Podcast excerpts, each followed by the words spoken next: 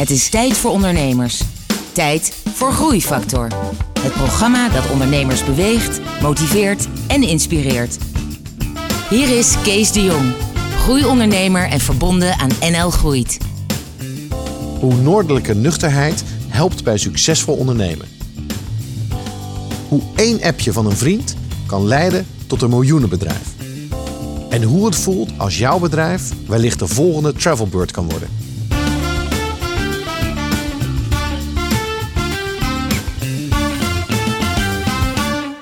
Hallo en welkom bij Groeifactor. Het programma dat ondernemers beweegt, motiveert en inspireert. Met een openhartig gesprek met een inspirerende ondernemer. En vandaag is bij mij de gast Raymond Klompsma. Raymond, welkom. Dankjewel. Uh, jij bent van het bedrijf Surprise Me. Klopt. En, dat is best wel een redelijk bekend bedrijf. Ja, ja, ja, gelukkig wel. We worden steeds bekender. Absoluut, ja. En eh, het is een superleuk eh, concept waar Dankjewel. bijna 70.000 mensen al gebruik van hebben gemaakt Klopt. sinds de oprichting vier jaar geleden. Ja, Eh, kan je kort uitleggen wat, wat jullie doen? ja tuurlijk kan ik dat doen. Ja, en, hele, en, en in het heel kort wat wij doen is... wij sturen mensen op reis. We zijn een tour operator. Maar dat doen we met een twist. Want wij vertellen mensen pas op het vliegveld waar mensen naartoe gaan. We zitten in de markt van citytrips. Eh 95% van alle reizen die wij verkopen, dat zijn citytrips. Ehm, ik ben het bedrijf een heel duidelijk doel begonnen. Eh, en dat is om spontaniteit terug te brengen in reizen. In een tijd waarin er zoveel informatie beschikbaar is. Waarin je online eigenlijk, ja, eigenlijk op dag twee al kunt uitvinden waar je gaat eten en wat je van de menukaart gaat eten.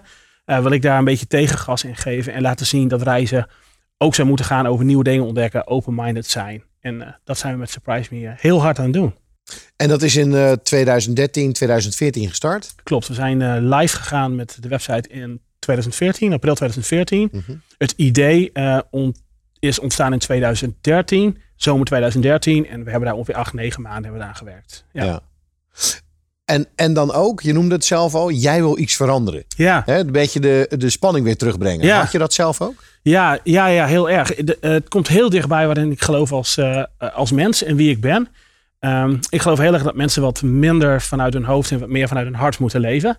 En eh, ja, Surprise Me past daar eigenlijk prima bij. Ik, ik, ik, ik kan niet anders, ik ben dit bedrijf, ik voel dit bedrijf en eh, eh, ik ben iemand die, die gelooft, zeg maar, dat, dat open-minded, dat, dat on- onbevangenheid en met een onbevangen blik naar de wereld kijkt, dat dat heel veel mooie dingen brengt. En Ja. om je, ik wil, wil je graag een voorbeeld geven. Als je naar Parijs gaat, die Eiffeltoren, het komt goed. Kijk naar boven en die Eiffeltoren, die zie je. Maar de herinnering voor later, dat is die man die je tegenkwam bij de Eiffeltoren, die tegen jou zegt, twee blokjes verderop, er zit een hartstikke leuk salsa bar, donderdagavond 8 uur, avond van je leven. Daar worden herinneringen gemaakt. En Ja. doordat wij je niet vertellen waar je naartoe gaat, creëren we daarmee eigenlijk de omstandigheid, eh, zodat je sneller geneigd bent die local tegen het lijf te lopen en die local te vragen, waar moet ik eten vanavond? Dus mensen komen bij jullie op de website, Ja. Surprise Me. Ze, ze, ze boeken dan een datum Ja. En, en een bedrag. Ja, zal, ik je even meenemen in het proces? Vind je het leuk? Om Ja. even heel kort uit te leggen. Als je bij ons op de website komt, kun je kiezen uit een aantal thema's. Eh, eh, eh, broke, specifiek gericht op studenten. Eh city trip, het thema zeg maar wat het meest... eh, Dat is dan heel erg budget, zeg Dus maar. is budget, ja, klopt. Ehm, ehm, als we even kijken naar de citytrip, vervolgens ehm, geef je aan met hoeveel personen je wilt gaan. Kies je een datum uit de kalender en op basis van die datum staat er ook direct een prijs, dus je weet ook wat je moet betalen. Kun je aangeven naar welke drie steden je niet wilt. Daar houden we dus ook echt rekening mee. Eh, omdat er, ja, er zijn mensen die zijn al twintig keer in Stockholm geweest die zeggen van nou liever niet. Eventueel speciale wensen kun je verder nog aangeven en vervolgens plaats je een boeking. Dan komt eigenlijk het leukste. Eh, dan krijg je van ons een persoonlijke pagina. En op die persoonlijke pagina staat een aftelklok. Zo'n ouderwetse tikkende aftelklok. En die aftelklok die tikt af tot het moment dat jij op Schiphol wordt verwacht. Ja. En eh, zeven dagen voordat je, voordat je vertrekt, krijg je van ons een fysieke kraskaart op de deurmat. En er zit een krascode op. En die krascode die kras je open op het moment dat je op het vliegveld bent. Die vul je in op de plek waar je aftelklok op nul is gegaan. En dan zie je dus in welk vliegtuig je over twee uur stapt. dat is hoe het proces werkt. Wat, wat, wat spannend. Het is ontzettend En spannend. wat, wat voor soort mensen boeken dat bij jou? Ehm, eh, als je eh, kijkt nu naar de primaire doelgroep die wij bedienen, dan, eh, dan zitten, zitten, zijn we, zitten we redelijk jong, 1835. De gemiddelde leeftijd is 28 op dit moment. Maar we zien eigenlijk in het afgelopen jaar dat de leeftijd steeds, eh, dat de leeftijd steeds, eh, steeds aan het toenemen is. En dat is best wel heel interessant om te zien. Want toen we dit begonnen zaten we heel erg op de avontuurlijke kant. En op het feit dat het een, ja, het is gewoon een heel tof verhaal. Ik bedoel, als je op een verjaardag bent en je zegt, ik ga op citytrip, wat is vraag 1? Waar ga je naartoe? Weet ik niet. Leuk Ja. verhaal. Dus dat is het verhaal waar we heel erg op zaten. En wat we nu zien is, naarmate we eh, zoveel reizigers op reis sturen met zo'n hoge klanttevredenheid, want we hebben nog steeds een 9,3 als klanttevredenheid, zie je dat mensen het steeds meer gaan boeken vanuit gemak. Ja. En dat herken ik zelf ook heel erg. Ik doe het al jaren als ik in een restaurant ben. zeg ik gewoon tegen de ober, Ja. doe maar wat. Ja. En dat doe ik enerzijds omdat ik eigenlijk altijd lekker eet daardoor. Maar anderzijds ook omdat ik eigenlijk gewoon te lui ben om, te, om, om uit al die gerechten te kiezen. Hoe groot kan zoiets worden? Nou, kijk, ehm, ik denk heel groot. Eh, ik heb de ambitie om hier een wereldwijd merk van te maken. Eh, ik, Want je bent al in meerdere landen actief, hè? ja, we zijn op dit moment actief in Nederland, België en de UK. En eh, ja, ik doe een kleine spoiler. We gaan eh, in maart volgend jaar naar Duitsland. En ehm, ja, ik denk dat wij richting de 150, 200.000 reizigers in 2020 kunnen. Raymond, het begon bij jou heel vroeg, het ondernemerschap. Ja, klopt. Ja, ja ik, we hebben er helemaal niet zo gerealiseerd. Maar eh, ik was als bij mijn ouders en die vertelden van, weet je nog wel dat toen je vijf jaar was, dat jij eentjesfiguur zaagde. En blijkbaar, ik ben echt degene met de twee linkerhanden, zeg maar, dat kun je mij niet voorstellen. Dus waarschijnlijk liet mijn vader al een groot deel van figuur zagen. Dat schilderde ik. Er kwam een strikje om de hals van het eentje. En die verkocht hij gewoon bij iedereen in de, in de buurt. En een soort van, ik weet niet, op, op mijn allereerste rapporten stond, eh, geef leiding. En ik kan me nog herinneren dat ik niet wist op dat moment of ik dat positief of negatief vond. En nu vind ik het eigenlijk hartstikke positief. Dit is soort van Ook je eerste rapport van, van, van, van, de... de, van school, ja, groep drie. Dan vulden ze van die puntjes in. Weet je wel, is hij volgzaam of geeft hij leiding? En toen, ik kan me dat gewoon op dat moment nog herinneren. Dat ik dacht, geef leiding, geef leiding. Ja, en da, daar hoort, ja, ik weet, dat heeft gewoon vanuit heel, eh, vanuit de basis heeft dat erin gezeten, denk ik. Maar, maar eh, als je dan terug, als je kijkt naar je ouders, hebben die dat ook? Heb, kom, je- komt het daar vandaan? Nee, ik kom niet echt uit een, ik kom uit een heel warm gezin, een heel zorgzaam gezin. Maar eh, mijn ouders zijn beide niet ondernemend. Nee, nee, nee, die hebben allebei eh, eh, gewoon baan en loondienst. Of gewoon een mooie baan en loondienst. Ja. Dus gewoon een happy DNA-accident. Ja, ja, ja. En ik heb, om je wat te geven, ik heb, ja, ik heb accountancy gestudeerd. Dus dat zou je misschien ook helemaal niet in Nee. lijn leggen met, met... Maar daar komt denk ik een ander stukje van mijn, van mijn karakter naar voren. Is dat ik een economische studie ging doen, dat was eigenlijk wel heel logisch. Maar eh, bij al die economische studies wist ik niet zo goed wat ik zou worden. Bedrijfskundig econ bedrijfseconomie, bedrijfskundig management, wat word je dan? En bij Ja. accountancy werd ik accountant. Ja. En dat herken ik heel erg in mijn... Maak het maar heel simpel. Maak Ja. het maar heel, dan snap ik het, dan begrijp ik het, dan kunnen we, kunnen we verder. En eh, dat is de reden dat ik toen voor accountancy heb gekozen. Ik heb wel afgemaakt, maar eh, ja, ik heb er niet zo heel veel mee gedaan na die tijd. Maar wel een fantastische basis natuurlijk voor ondernemerschap. Want dat Absoluut. is eigenlijk wat veel ondernemers Klopt. toch ja. een beetje missen. Die, die hele sterke Absoluut. Ja. zeg maar, ja, fundatie onder hun ondernemerschap. Eh, ja, en ik kan goed balansen lezen. En ik snap, en ik snap hoe bedrijf, nou, wat je natuurlijk leert in je studie, is hoe de verschillende type organisaties in elkaar zitten. Hoe geld Ja. en goederen door bedrijven heen gaan. Daar heb ik ontzettend veel aan gehad. Maar ik geef toe, ik heb 7,5 jaar over mijn studie gedaan, denk ik. En toen begon jij al je eerste bedrijf. Of misschien wel je tweede bedrijf. Ja, Of- ik ben tijdens mijn accountancy-studie ben ik eh, met eh, Concept 7 begonnen. Dat was eigenlijk Concept 7. Concept 7, Oké. ja. Mijn eerste serieus, serieus bedrijf. Gestart met vijf vrienden als websitebouwers. In die tijd, 99, iedereen bouwde websites. Ja. Dus Als een soort uh, studenten hobbyachtig. Ja. Jullie zijn handig. eh, letterlijk, eh, langs, eh, zullen we een bedrijfje beginnen? Ja, doen we. eh, dinsdag naar de Kamer van Koophandel en eh, beginnen. Zo. En eh, nou, de eerste eh, klant krijg je via, de, via het werk van je vader. Nou, zo gaan dan die, eh, Ja. zo gaan dan die dingen. Dus dat heb ik echt tijdens mijn studie, eh, eh, ja, in 99 gestart. Dus dat was ongeveer gelijk met toen ik met mijn accountancy-studie gestart ben. Ja. ja. En dat bedrijf heb ik bijna 16 jaar gehad. Oké, dus dat is tot en met 2015 heb je dat. Ja. eh, Ja, en, eh, kan, je die, daar- kan je daar iets over, over vertellen, over die begintijd? Ja, zeker. Eh over de begintijd van Concept 7 bedoel je? Ja, het, wat, het begon heel erg als studentenbedrijf. Ehm, we zaten in de websitebouw, maar gingen al heel snel, maakten wij de switch naar usability. Dat was toen vrij nieuw.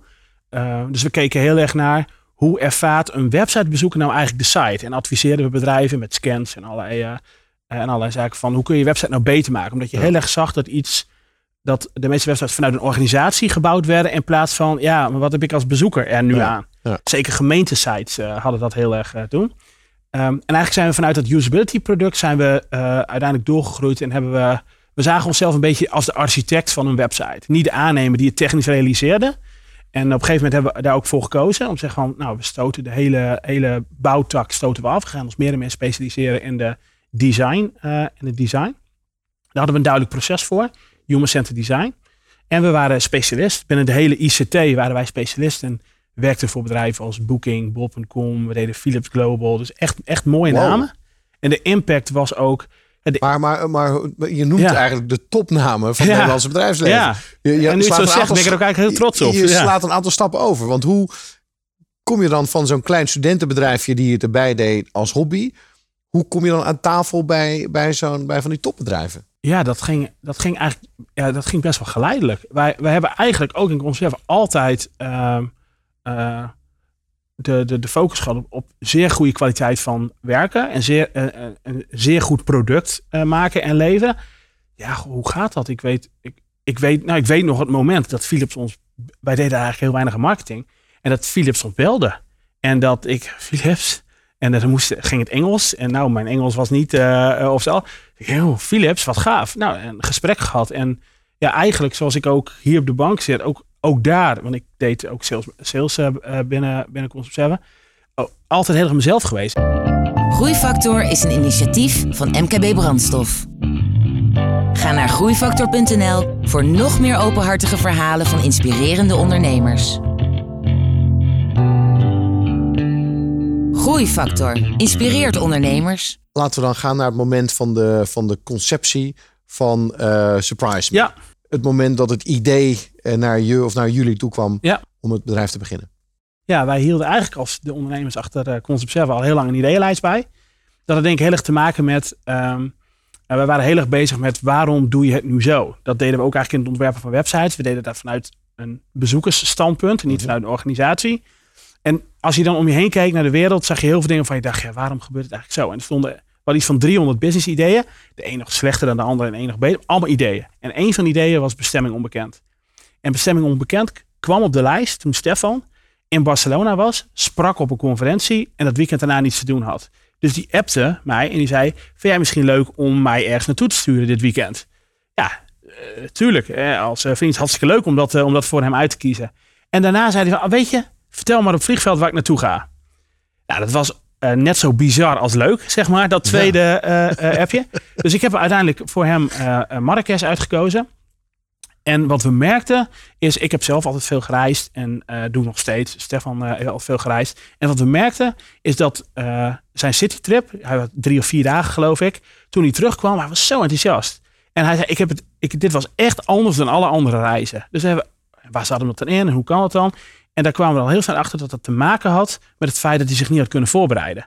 Waardoor hij eigenlijk zei, ja, ik hoefde niets. Het maakte eigenlijk allemaal niet zo heel veel uit. Ik heb veel meer genoten van die stad, omdat ik, ik, ik wist toch niet dat ik hier zou zijn. Ja.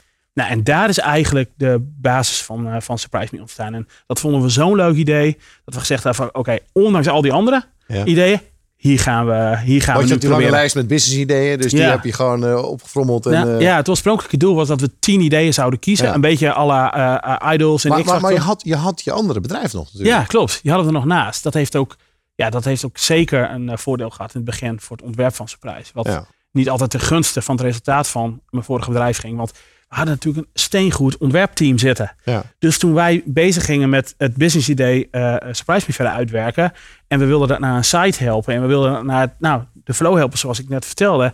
Hadden we daar gewoon mensen zitten. Ja. Dus wij trokken eigenlijk gewoon een hele hoop uren uit eh Concept 7. En met die uren hebben wij eh, voor een groot deel wij Surprise Me gebouwd. En de vliegende start. Ja, top. Maar hoe ging het dan met Surprise Me versus Concept 7? Had je Concept 7, is dat uiteindelijk, bestaat het nog? Heb je dat verkocht? Ja, Concept 7. Heb je, Ja, ja, Tim was eh, toen eh, afgestudeerd bij Concept 7. Die hebben eigenlijk gevraagd, hey, wil jij misschien de, de kar gaan trekken in Surprise? Want toen zaten wij ook nog met, eh, met nou, twee benen in Concept 7. En uitei- uiteindelijk heeft Tim de eerste 600, 700 reizigers alleen geboekt. Heeft ook het proces neergezet, heeft de basis van het bedrijf. Wij hielpen hem daar zoveel als, als bij maar Tim, mogelijk. Tim was dan een jong, een jong gast. Ja, die was eh 324 denk ik, maar super talent. En eh hartstikke aardig vent. Dus ik dacht toen ik hem, eh, toen ik hem eh, ging vragen, ik bel hem niet, want ik kan nogal enthousiast en dan mensen zo niet. Ik denk, hij moet er even over nadenken. Dus ik app hem gewoon. Nou, die, die binnen 30 seconden. Ik ken die eigen sterkte. ja, slash, ik denk, eh, laat ik hem niet. Hij moet er even over nadenken. Echt Omdat binnen zelf 30 moet willen, ja? Binnen 30 seconden belde hij me terug en zei: Tuurlijk wil ik dit doen. Ik zei: ja, maar Tim, we hebben geen geld. De- we beginnen gewoon. En eh, ga- 100% dit ga ik doen. En eh, ja, heel veel respect voor wat hij in het eerste jaar eh, eh, eh, met Surprise Me en hoeveel uren dat hij daar wel in heeft gestoken. Eh, wat de basis van het succes van Surprise Me natuurlijk is. En hij is aandeelhouder. Ja, ja, klopt. Ja. En, en we hebben het er nog niet over gehad, maar, maar eh, nou, we hebben het wel over gehad in het begin. Over wat er wel niet mogelijk is. Hoe het kan groeien. En Ja. we hebben natuurlijk voorbeelden gezien van Travelbird. ehm ja, Booking eh, noem ik niet eens. Maar Ja. bij wijze van spreken, ehm, die markt is enorm. ja, de travelmarkt is enorm. Als je kijkt naar de travelmarkt in Nederland alleen al van short breaks, die is 15 miljard. Dat is gewoon, dat is, dat is enorm. Zeg maar. En wij zitten in die, natuurlijk zijn wij niche en wij zijn er niet voor iedereen. Dat is denk ik ook belangrijk om te realiseren. Wat ik als ondernemer heel fijn vind. Bijna iedereen vindt dit een ontzettend leuk idee. Maar zo grofweg 50% van de taart zegt, never gonna happen. Dit ga ik dus echt niet. Hier ben ik veel te veel controlfreak Ja, voor. ja. Wat prima is, want die andere 50% kan ik heel, heel, heel goed in het hart raken. En die zorgen voor die 9,3 En, eh, en die zorgen voor die 9,3. Ja. Klopt. Ja. En die taart is groot genoeg. Ja. Dus, en eh, je vraagt Concept 7. eh, ik ben dus zelf in 2015 eh, overgestapt naar Surprise. Fulltime Mhm. als CEO op Surprise Me gaan werken. En we hebben Concept 7 hebben we verkocht. En Marcel werkt nu aan zijn een eigen een nieuwe start-up. En Stefan die werkt nog twee dagen per week bij Concept 7. En is ook bezig met kijken naar nieuwe start-ups. Dus zij zijn beide niet actief binnen Surprise Me. Oké. Hey, en dat verkopen van Concept 7, aan, Ja. aan wie heb je dat verkocht? Uiteindelijk hebben we dat aan een, eh, eh, een technische partij, eh Guapa in Groningen, hebben we dat verkocht. Oké. Ja. En is dat goed gegaan? Ja, zeker. Ja, ja, ja. Ja, Hoe vond je dat? Om, want dat is toch je eerste kindje een beetje. ja moeilijk. Ehm, nou, wat ik vooral moeilijk vond was, ehm, en dat is ook wel echt iets waar ik veel van geleerd heb. Ik heb er ook een artikel over geschreven online. Is, ik heb best wel, met Concept 7 had ik een bedrijf gebouwd waar ik zelf zou willen werken. Dat riep ik ook altijd op het podium. Hm. En toch kwam er een moment waarop ik dacht, vind ik het nog wel leuk. En dat had niets te maken, daar kwam ik heel snel achter met die club mensen. Maar dat was een soort van vriendenclub. Maar dat had heel erg te maken met een soort van inhoudelijke uitdaging. Was het na een jaar of zeven? Nee, dat was uh, naar, dat was een, een, dat was naar jaren 14. Tegen als- zeven. Als je die, die periode van 7, weet je wel, die je wel vaak ja. hoort, zeg maar, en uh, waar je naar refereert, denk ik nu. Uh, na de eerste zeven jaar was de hele duidelijke afsplitsing binnen Concept dat we de techniek hebben losgelaten. En na ongeveer 14 jaar, dat, nou, klopt, uh, ik denk ietsje eerder, klopt precies, is dat een soort van gevoel Ja. bij mij bekroop van, is dit mijn toekomst? Ja. Wil ik dit nog? Maar, maar dit, is, dit is wel denk ik ook belangrijk voor luisteraars. Ehm, het is natuurlijk bekend, maar het is ook echt zo. Ja, Na zeven jaar eh, krijg je dat. En, en het feit dat jullie na zeven jaar die beslissing hebben gemaakt om het af te splitsen. Daarmee heb je gewoon een nieuw bedrijf gemaakt voor Klopt. jezelf. Ja let- Waar, waar, iedereen, waar iedereen, de meeste mensen komen niet aan die zeven jaar, omdat ze na vier of vijf jaar van baan verwisselen. En, en, en ondernemers hebben die luxe niet. Nee. En, en zeven is echt het eh, magische getal Ja. wat dat betreft. Mooi, ja. Mooi inzicht. Dus als mensen nu in de auto zitten en luisteren van shit, ik zit zeven jaar. Ja, oh, misschien is dat het. Ja, dat is het. ja, ja, ja, ja. Ik herken dat absoluut. Maar hoe, Ja, hoe, ging ja. dat, hoe ging dat met, met verkopen en geld en dat soort dingen? Gaf dat nog spanningen? Of, of was dat juist een, een blij moment voor iedereen? Nee, dat was op zich wel. Nou, wat, wat ik eh, zelf merkte is, Marcel en Stefan werkten nog steeds in Concept 7. En ik had in 2015 die switch gemaakt. Dus ik was in die zin was ik eigenlijk al verder van het bedrijf afkomen te staan. Ja. Het bedrijf zit ook nog steeds in Groningen, dus ik kwam er ook steeds minder. Ja. En ik heb toen eigenlijk zelf besloten als, eh, als aandeelhouder in de zomer vorig jaar. Van ik ben niet iemand die een zittende aandeelhouder is. Die, ik, had, ik had overal een mening over. Zeg maar, maar, ik, ja, maar ik deed Een niets. hele zeg maar. vervelende zittende aanhouden zou je Dus heb ja, ik zou, hem zelf, ik zou het zelf ook erg vervelend Ja. vinden. Dus ik zei, volgens mij is het beter zeg maar, als ik gewoon mijn aandelen, mijn aandelen aanbied. Ja. En uiteindelijk is zo het balletje komen te rollen. En hebben ook eh, Stefan en Marcel die, eh, die keuze gemaakt. Ze zeiden van ja, volgens mij ligt onze toekomst. Was, omdat wij natuurlijk zelf, dus even die zeven jaar, ook voor hun, eh, niet meer hier. En hebben uiteindelijk hebben dus, zijn we voor totale verkoop gegaan. En ik merkte dat bij mij eh, het moeilijkste jaar daarin, en ook het jaar van afscheid, was eigenlijk voor mij 2015. Waarin ik zelf best wel lang in een spagaat heb gezeten. En dat zei ik ook tegen iedereen. Nee joh, maar ik ga niet weg. Ik blijf ook. En iedereen zag, die is een hartje Hij aan het verpanden aan, aan Surprise Me. Hey, en dan vervolgens heb je een, een bak aan ervaring. Ja, En vervolgens een nieuw geweldig project. Ja. En dat heet dan Surprise Me. ja. Welke dingen heb je meegenomen waardoor Surprise Me nog sneller is gaan groeien eh, dan dat je in het begin dacht? Eh, ik denk dat zeker in het begin mijn netwerk heel handig was. Je had natuurlijk een netwerk opgebouwd. Werkte voor veel mooie partijen. Maar iets wat ik bij, met- iets wat ik bij Concept echt geleerd heb. En dat, daar verkochten we het aan andere bedrijven als, als B2B agency. Is hoe belangrijk het is om een goed product te hebben. En hoe belangrijk het is om te denken vanuit, in ons geval, reizigers. En als je travel een beetje kent, dan praten ze in travel heel vaak over PAX. En dat, is dus, dat wordt dus verboden. Er zijn niet zoveel dingen verboden bij ons, maar die is verboden. Want in de essentie, zeg maar, gaat het om mensen die iedere maand 100 euro sparen om uiteindelijk na vijf maanden met onze prijs te kunnen. Dat zijn geen paksen, dat zijn reizigers. Dat zijn mensen die we een ervaring willen geven. En dit klinkt misschien als iets heel iets Want, kleins. want, want Pax, wa- waar ja, staat dat Pax voor? is pakketje. Dus een vliegt, ik, ik, nu ga ik ook gechargeerd praten. Ja. Vliegtuigstoeltje, hotelbedje, Pax. Eh, dat is een beetje hetzelfde dat je in doelgroepen praat. Ja. En voor mij gaat het over... bij, eh, bij eh, KPN altijd abonnee bent. Ja, Of, een nummer. Ja. ja. en voor mij gaat dit zijn. En, en dat is een. Nou, wat ik net zei, dat klinkt als iets heel kleins, maar voor mij is dat een hele bijna filosofie, zeg maar, van hoe je omgaat met je bedrijf en met Ja. je mensen. Ja. En wat ik bij Concept 7 geleerd is, is hoe belangrijk het is om een cultuur te bouwen waar mensen het fijn vinden om te werken. Want als je dat, als je dat hebt, dan gaat de rest zoveel makkelijker. Ja, dus een ijzersterk product. Ja. Kernwaarden op orde, waar het gaat om hoe je denkt over je product en je markt en noem maar op. Ja, 100%. En, en het bouwen van een cultuur waarin mensen zich eh, fijn voelen Ja. en, eh, en op. ja. ja, en wat ik. Maar, maar, maar dan ben je ook nog eens een keer heel snel gegroeid hè, van, Ja. de, van, van een paar mensen naar 55 man. En dat is veel groter ja, is dan, eh, dan Concept 7. Klopt. En, en dan moet je ook jezelf, Ja, zelf moet je andere dingen gaan doen. ja, ja, ja. ja, dat, Hoe is dat bevallen? Ehm, tot op de dag van vandaag heel goed. Eh, het is ook heel moeilijk. eh, omdat je ehm, nu bijvoorbeeld we bezig met het bouwen van een eh, MT. Dat zie je dat dat nu in Surprise Me ontstaat.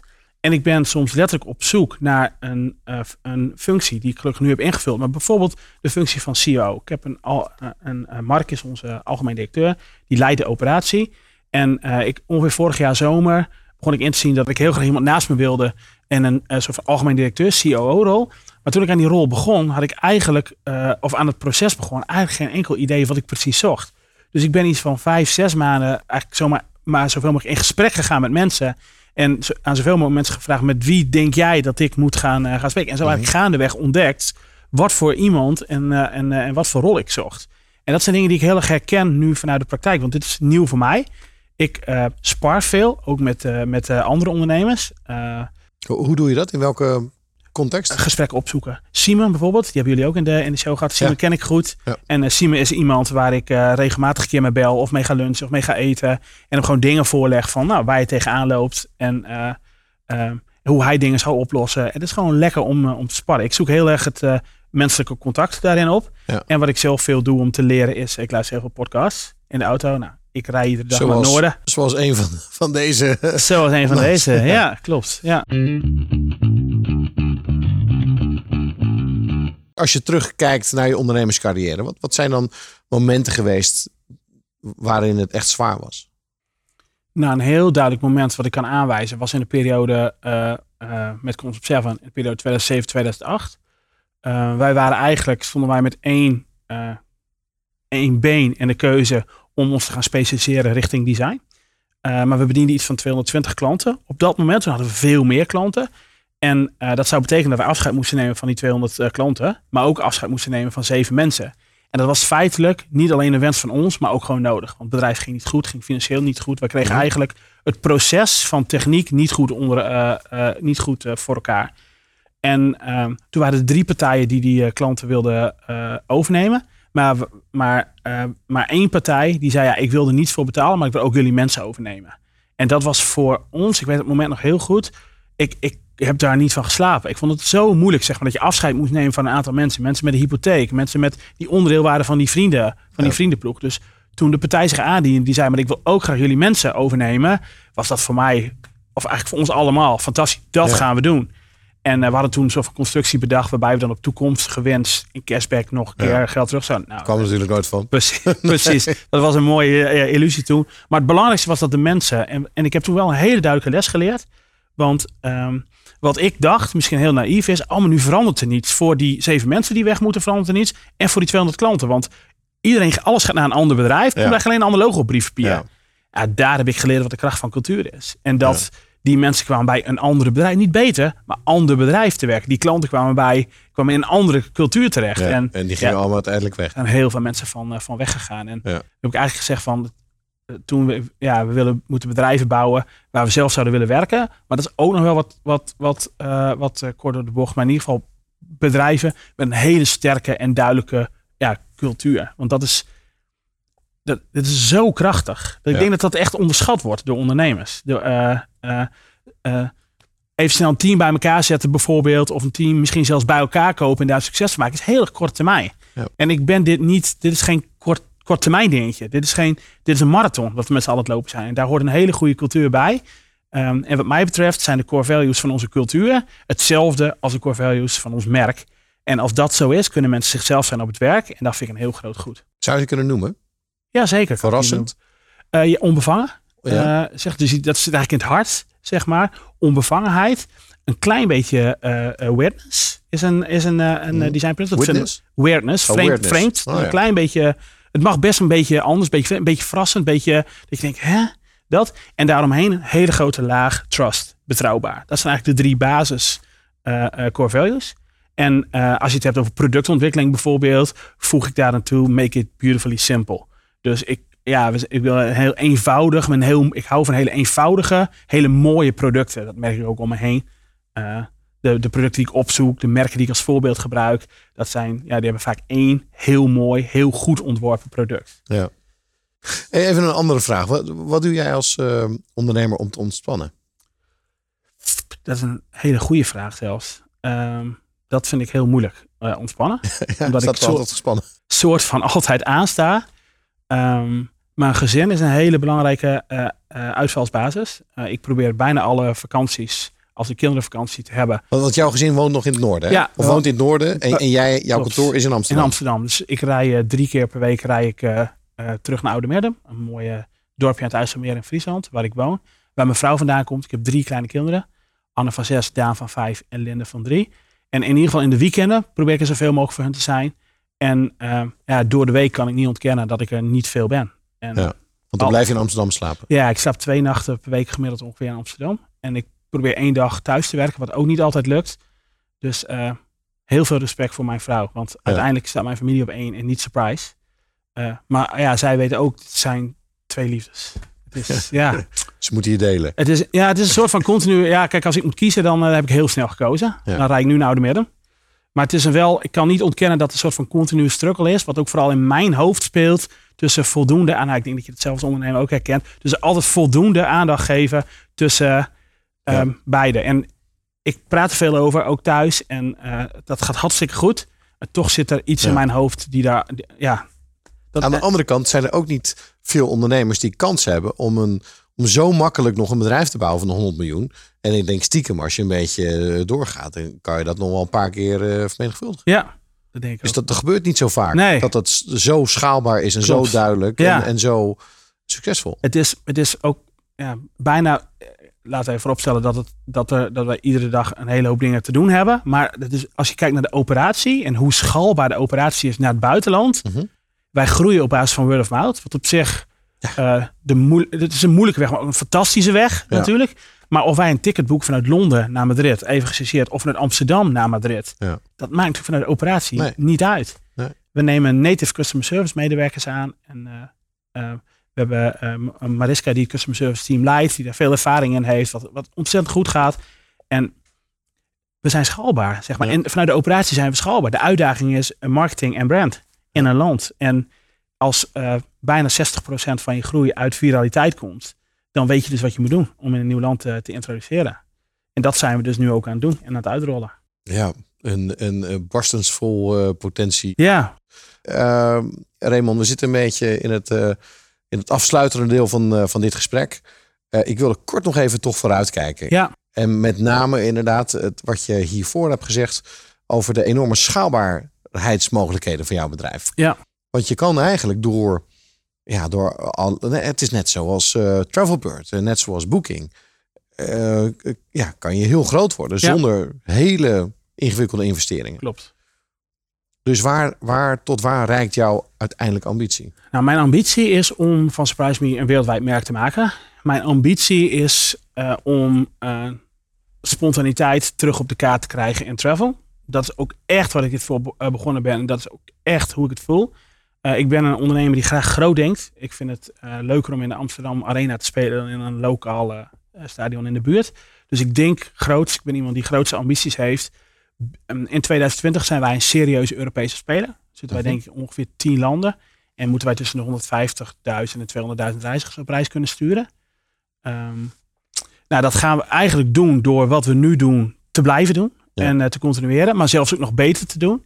En ehm, Eh, Ik ben niet bang voor concurrentie, want het is natuurlijk wel na te apen.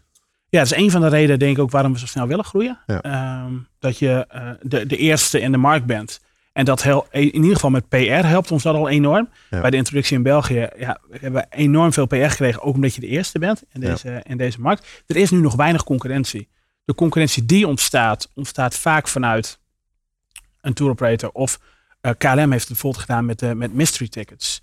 En wat zij doen, en dat communiceren ze ook, is ehm, ja, we weten gewoon dat we een aantal stoelen over hebben dan niets. Dit is gewoon een hele leuke marketingtruc om, ehm, en dat is prima. Daarom kunnen ze het ook voor een hele lage prijs aanbieden. En ik denk, onze kracht moet altijd blijven zijn de liefde die wij in dit product stoppen. Ja. De liefde die wij in onze reizigers stoppen. Omdat Ja. we gewoon echt heel graag willen dat onze reizigers een gekke ervaring hebben. En die basis, dat mogen we nooit verliezen. En dan, eh, ja, dan denk ik inderdaad dat we heel groot gaan worden. Ja, ik denk dat ook. Voor de, voor de luisteraar wil ik toch nog even jouw belangrijkste leerpunten even samenvatten. Je hebt een aantal genoemd. Het bouwen van een hele hechte cultuur. Ja, ab- Dat dat eh, een Ab- van de drivers was Ja. eh, van groei. kwalitatief ontzettend goed product. Tussendoor kwam nog even, precies. En, en daarbij hoort ook nog de, de schaalbaarheid. Ja, dat is een, een beetje een happy accident geweest. Want jouw eerste bedrijf was niet schaalbaar. Nee. Jouw, dit bedrijf is, is, is schaalbaar. Dus niet zozeer een strategie, maar meer gewoon een soort happy accident. Ja, klopt. Ja. Ja, zijn resultanten. Ja, En het een andere ding wat je nog hebt gezegd, wat ik even wil uitlichten, dat was dat je eigenlijk continu contact zoekt met andere ondernemers als je het zelf niet meer weet. Klopt. Hè, dat je dus Ja, continu klopt. feedback vraagt. Ja, en met reizigers. Misschien is dat nog een hele mooie tip die ik zou willen eh, teruggeven. Dat ik nog zelf regelmatig met reizigers bel. Mhm. Om gewoon te vragen hoe ze het gehad hebben. En dat is de basis. En eh, zij zijn degene die het bedrijf mogelijk maken. Ja. En daar haal ik ook ontzettend veel inspiratie uit. Dus ik haal veel inspiratie uit andere mensen. En dat kan ik iedereen echt van harte aanbevelen. Nou, dat lijkt me een mooi einde. Eh Raymond, ik wil je enorm bedanken voor dit eh, interview. Heel graag. Eh, eh, nogmaals, ik denk dat iedereen die dit interview heeft geluisterd, gaat op jouw website kijken en, en, en ziet dan inderdaad de wereldwijde potentie van dit ding. Je hebt iets heel bijzonders eh, in handen. Ik wens je daar enorm veel succes mee. Dank je Voor de luisteraars, je luistert naar Groeifactor. En graag tot de volgende uitzending van Groeifactor. Groeifactor is een initiatief van MKB Brandstof. Ga naar groeifactor.nl voor nog meer inspirerende verhalen van mede-ondernemers. Groeifactor beweegt ondernemers.